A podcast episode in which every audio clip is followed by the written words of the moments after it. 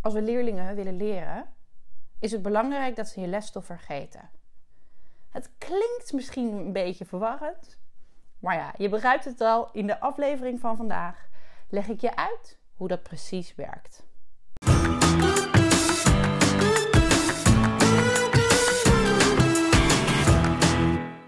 Hey, wat leuk dat je luistert naar de podcast van het Leerlab. In deze podcast leer ik je alles wat je moet weten over leren, leren en plannen. Ik ben Laura en met het Leerlab heb ik een grootse missie. Want ik wil namelijk alle leerlingen in Nederland en België leren, leren en plannen. En om deze missie te bereiken, ja, zit ik op Instagram, deel ik daar een heleboel tips en alle avonturen natuurlijk van het Leerlab. Zit ik op YouTube en ik maak natuurlijk elke week, elke zondag deze podcast. Ik geef jou als docent veel informatie, maar ik hoop je ook vooral heel veel tips en uh, praktische uh, trucs mee te geven, zodat het leren en plannen ook echt makkelijker wordt voor, ja, voor jouw leerlingen. En de aflevering, uh, ja, de aflevering van vandaag gaat over vergeten. Het vergeten van de lesstof is namelijk een heel erg belangrijk onderdeel van leren. Maar ja, voordat ik daar uh, van alles met je over ga delen, uh, uh, wil ik je hier toch ook nog even een, een kleine update geven. Uh, het, is, uh, het is ook vandaag uh, zondag 11 april en straks om, oh dat is trouwens wel leuk, straks om 10.01 komt de podcast natuurlijk online. Ik ben gek op die dubbele cijfers, daar hou ik van. Of leuke klokken of leuke datum. dus vandaar ook 10.01. Ik kreeg daar laatst een vraag over. Waarom eigenlijk? Nou, omdat ik van dat soort dingen gewoon heel simpel gezegd gelukkig kan worden. Um, en waar ik ook heel gelukkig van word, is dat ik zulke vette dingen mag doen met het leerlab. Gisteren, gisterochtend, ja, op zaterdag, ben ik bezig geweest met het ontwikkelen. Um, ja, ik weet eigenlijk nog helemaal niet zo. Ik begin hier wel over, maar ik weet helemaal niet wat ik erover mag zeggen. Ben ik bezig geweest met het ontwikkelen. En het ontwikkelen van uh, dingen vind ik heel erg leuk. En dat is aan de ene kant natuurlijk super goed. Want dan kun je een heleboel ontwikkelen, een heleboel betekenen, een heleboel doen. Maar dat zorgt soms ook wel voor wat minder focus. Maar nu ben ik in opdracht iets aan het ontwikkelen. En ik kan je wel vertellen dat dat. Uh, ik kan je, ja, dat kan ik jou wel vast vertellen. Ik kan je vertellen dat dat met Noordhof is. Ik, ben, uh, ik doe wel vaker dingen samen met Noordhof. En ik mag. nou, oké, laat ik het een beetje geheim houden nog. Ik mag iets ontwikkelen. Daar ben ik nu mee bezig. Op het gebied van leren leren. En dan voor het basisonderwijs. Verder ga ik er gewoon niks over vertellen. Maar dat was zo leuk.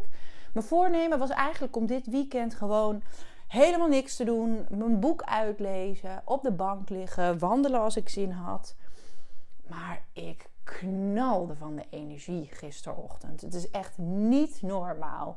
Ik ben als een malle aan de slag gegaan. En nou ja, dat is bij mij één grote chaos dan. Allerlei posters, aantekeningen. Dit moet er nog bij. Zus, hier moet ik om denken.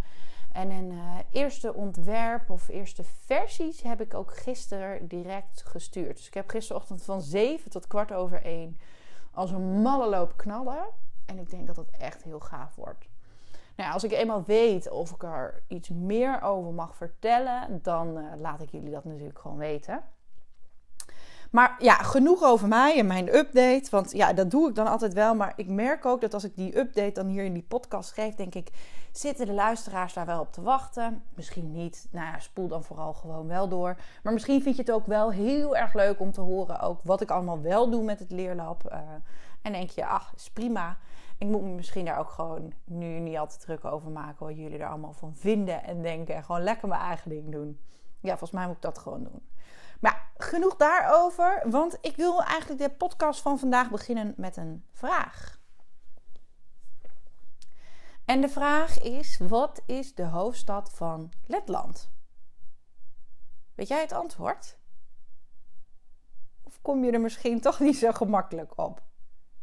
Nou ja, het geeft natuurlijk helemaal niets. Of het, ge het geeft natuurlijk helemaal niets. Want iedereen vergeet wel eens wat. Sterker nog, je moet iets vergeten om je het daarna langer en beter te kunnen herinneren. Bizar eigenlijk, hè? Dus je moet echt iets vergeten, je moet het weer kwijt zijn en dan sla je het beter, uh, beter op. Dus als we dat gaan vertalen naar leren, is vergeten dus een heel erg belangrijk onderdeel. En ik kan me voorstellen dat het misschien een beetje verwarrend klinkt. Of dat je denkt, nou, Laura, wat vertel je? Hoe, hoe, hoe kom je hier nou op? Ik, ik ga je gewoon meenemen. Ik, uh, ik ga, je ga het je gewoon uitleggen. Het feit dat jij net moest graven in je geheugen en op zoek moest gaan naar. Oké, Laura stelt deze vraag. Wat is de hoofdstad van Letland? Jij gaat graven, je gaat zoeken, je gaat nadenken. Je gaat daar ja, mee aan de slag. Want ik, heb je, ik weet zeker dat ik je aan het denken heb gezet. En dat, dat noemen we retrieval practice. En dat retrieval practice is natuurlijk een van de vier effectieve leerstrategieën die er is. En in dit geval uh, stel ik jou een vraag. En jij probeert het antwoord uit je lange termijn geheugen op te halen. Want er is natuurlijk een hele grote kans dat jij vroeger op de basisschool met Topo hebt gehad dat jij moest leren wat de hoofdstad van uh, Letland was. En op zo'n moment, als ik jou die vraag stel, ben jij actief bezig met het ophalen van informatie uit je geheugen. Retrieval practice. En hoe vaker je dit doet, hoe sterker je geheugen wordt.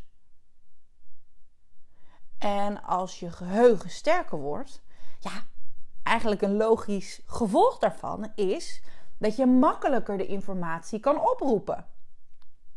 Dus stel, jij hebt een toets en jij hebt, uh, uh, je bent het vergeten en je gaat het weer uh, ophalen en graven. Ja, hoe makkelijker je steeds die informatie weer opgraaft en kan oproepen. Dit klinkt natuurlijk ontzettend leuk, maar dan heb jij waarschijnlijk de vraag: Leuk Laura, maar hoe kan ik dit dan doen in mijn klas? Want je hebt het wel vaker over die effectieve leerstrategieën. Het zijn er trouwens in totaal vier. Het is misschien even goed om ze nog even alle vier te noemen. Retrieval practice, interleaved practice, het afwisselen van onderwerpen en type vragen. De derde is spaced practice, het verspreiden van je leermomenten. En de vierde is dual coding, het combineren van woord en beeld. Nou, en het vergeten, hè, dat actief weer kunnen ophalen van informatie, retrieval practice, dat is waar we het vandaag over hebben. Maar hoe kun je dat dan doen? Je kan daarmee in de klas natuurlijk aan de slag gaan door te werken met woordkaartjes. Je kent ze vast. Aan de ene kant zet je een begrip en aan de andere kant zet je de uitleg van het begrip. Of aan de ene kant zet je uh, het Engelse woord als je Engels geeft en aan de andere kant zet je de Nederlandse vertaling. Maar woordkaartjes hoef je niet alleen op deze manier in te zetten. Woord of begrip aan de ene kant en de uitleg aan de andere kant. Wat je ook kan doen uh, met woordkaartjes, en dat is wat ik veel met leerlingen doe in de praktijk, um, is stel jezelf een vraag over de lesstof en zet het antwoord op de andere kant. Hele fijne manier. En um, een tip daarbij is: neem even de inleiding van het hoofdstuk onder de loep. Zeker als je te maken hebt met filosofie, aardrijkskunde, geschiedenis. Dan zie je al een bepaalde opbouw. En heel veel lesboeken hebben natuurlijk ook, en dat weet je als docent waarschijnlijk als geen ander, heel veel lesboeken hebben ook dit moet je kennen en kunnen.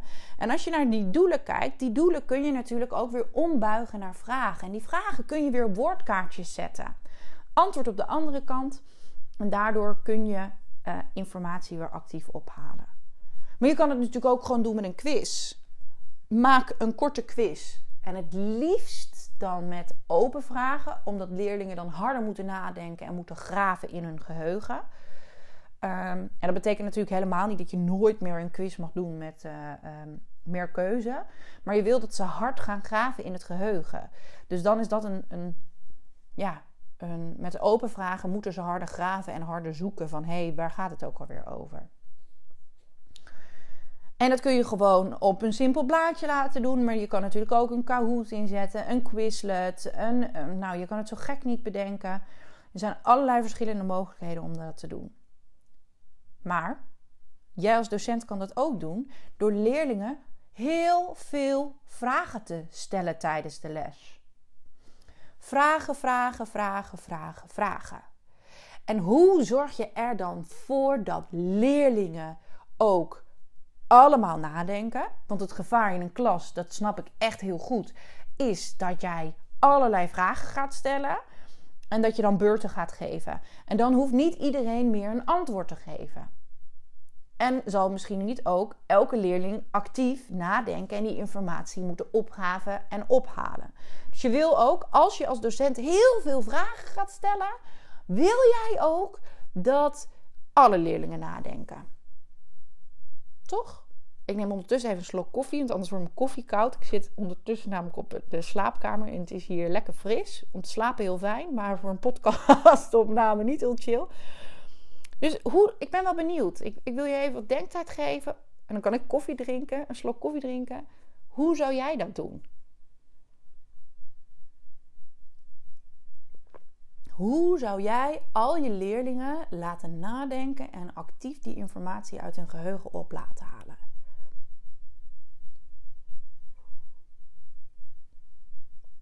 Ja, bij mij ploppen er natuurlijk al direct allerlei dingen eh, naar boven hoe je dat zou kunnen doen. Ehm, in het basisonderwijs wordt heel veel gewerkt met wisbordjes. Dat is natuurlijk een manier om te doen. Vraag stellen, allemaal opschrijven, wisbordje omhoog. Of dan met beurtenstokjes beurten geven. Want dan is er altijd de mogelijkheid dat je de beurt krijgt en ga je wel nadenken over het antwoord. Je zou leerlingen, misschien ben je docent in het voortgezet onderwijs, middelbare school, dan kun je leerlingen ook elke les bijvoorbeeld een blanco papiertje geven. En vragen stellen, leerlingen het antwoord laten opschrijven. Ehm, natuurlijk kun je ook veel vragen stellen, maar dan zit je al wel snel weer een beetje in een quizvorm misschien. Um, uh, waarin eh, leerlingen allemaal antwoord moeten geven. Er zijn genoeg online tools waarin alle leerlingen antwoord moeten geven. Dat kan met een Padlet, maar het, volgens mij heeft Lesson Up ook super veel mogelijkheden. Dus laat leerlingen nadenken, stel ze veel vragen en laat ze actief die informatie ophalen. Andere manier waarop je dat zou kunnen doen is leerlingen ja, weer een leeg blad geven maar op dat blad schrijven ze alles op wat ze herinneren over een bepaald onderwerp. En het, nou, als je dat goed wil doen, uh, even lullig gezegd, dan moet je, ja, dat kun je ook doen, uh, maar dan werk je met een andere leerstrategie, om het even zo te zeggen. Een andere manier om dat te doen is dat je ook enige tijd tussen het aanbieden van de informatie houdt en het oproepen daarvan. Dus als jij de, de leerstrategie retrieval practice wil inzetten, dan is het niet zo, ik geef een instructie en daarna laat ik ze allemaal opschrijven wat ze er nog van weten of wat ze er nog over herinneren over dat onderwerp. Nee, want dan zit er korte, en dat is, dat is ook een goede manier hè, om te doen. Even in kernwoorden laten opschrijven, waar gaat het nou, waar ging het nu over? Wat was het belangrijkste? Maar dan ben je niet retrieval practice aan het doen. Dus als je dit doet, laat dan ook een stukje tijd tussen zitten. Dus dat jij die informatie over dat onderwerp aanbiedt. En dat je wil dat de leerlingen die informatie ophalen uit hun geheugen of gaan oproepen. Want dan kan ook het vergeetproces echt in werking treden. Als jij een uitleg geeft, dan zijn ze natuurlijk en je laat ze op een leefblad daarna opschrijven wat, dan zit er natuurlijk niet dat vergeetproces uh, is niet in gang gekomen. En dat is wat je, wat je dan wel heel graag wil. Probeer voor jezelf te bedenken, uh, dat weet jij voor je eigen vak als echt geen ander, dat weet ik zeker, hoe je dat zou kunnen doen. En ik wil je nog even meenemen in een onderzoek dat is gedaan, of in een soort experiment wat is gedaan um, bij Lisa en uh, Rick. En ehm, waarin deze leerstrategie uh, eigenlijk naar voren komt. Lisa en Rick, ja, die hebben biologie en die lezen een tekst van biologie waar ze achteraf vragen over moeten beantwoorden. Eigenlijk een soort toets. En het is zo: Lisa mag de tekst vier keer lezen. En Rick, ja, Rick mag helaas de tekst maar één keer lezen. Maar Rick krijgt achteraf wel de kans dat hij drie keer op een leeg blad papier alles opschrijft wat hij nog weet over die tekst. Dat mag hij doen, drie keer.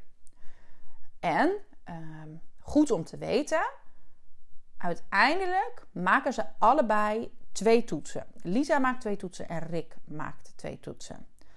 De eerste toets is na vijf minuten. De eerste toets. En de tweede toets is na een week. Wie denk je dat het het beste doet? Ja, je begrijpt het al, of ik hoop dat je het begrijpt wat het antwoord zal zijn. Op de eerste toets, na vijf minuten, scoort Lisa het beste. En dat is best logisch, want zij, zij mocht de tekst vier keer lezen. Dus bij haar zit de informatie nog vers in het werkgeheugen. Op de test of op de toets die we na een, na een week uh, lieten doen, gaan, zien we iets anders. Want juist na een week scoort Rick beter. Ook al mocht hij de tekst maar één keer lezen. En het feit dat hij drie keer de kans kreeg om op te schrijven wat hij nog wist, wat hij herinnerde, bleek op de lange termijn heel veel effect te hebben. En nu ik dit aan het uitleggen ben, ja, daar was ik eigenlijk helemaal niet van plan om te zeggen, maar zou ik je willen uitdagen? Ga zo'n experiment of onderzoek in je klas doen. Laat de ene helft de tekst vier keer lezen en na vijf minuten een toets maken. En laat de andere helft ehm, de tekst één keer lezen en drie keer opschrijven op een leeg blad alles wat je nog weet.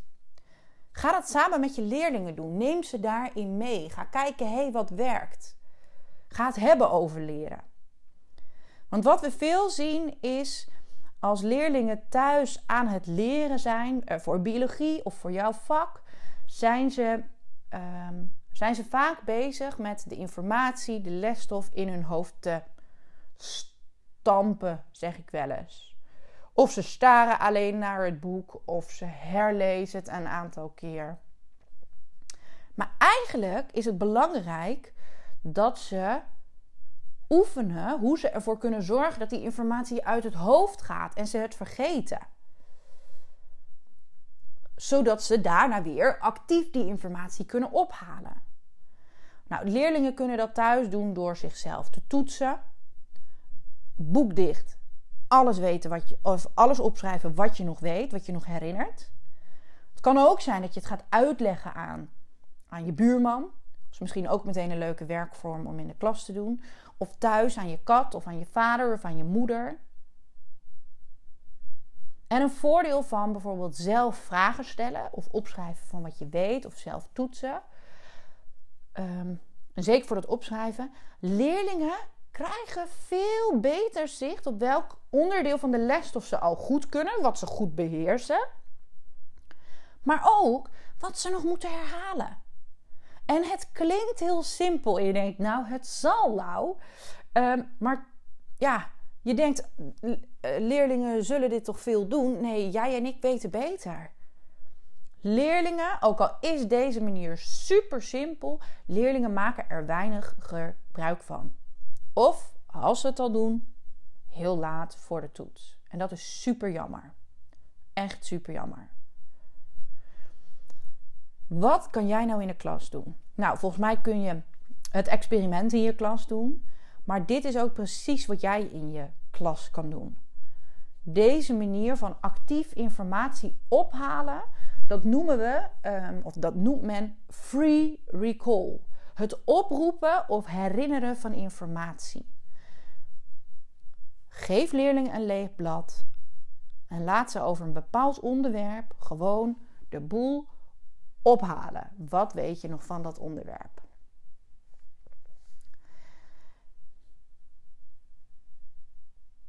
voor, voor nu, ja, ik, ik, ik kan nog een heleboel doorlullen. Ik kan nog een heleboel meer vertellen. Hè? Je kent me, ik kan, uh, kan soms uren blijven kletsen.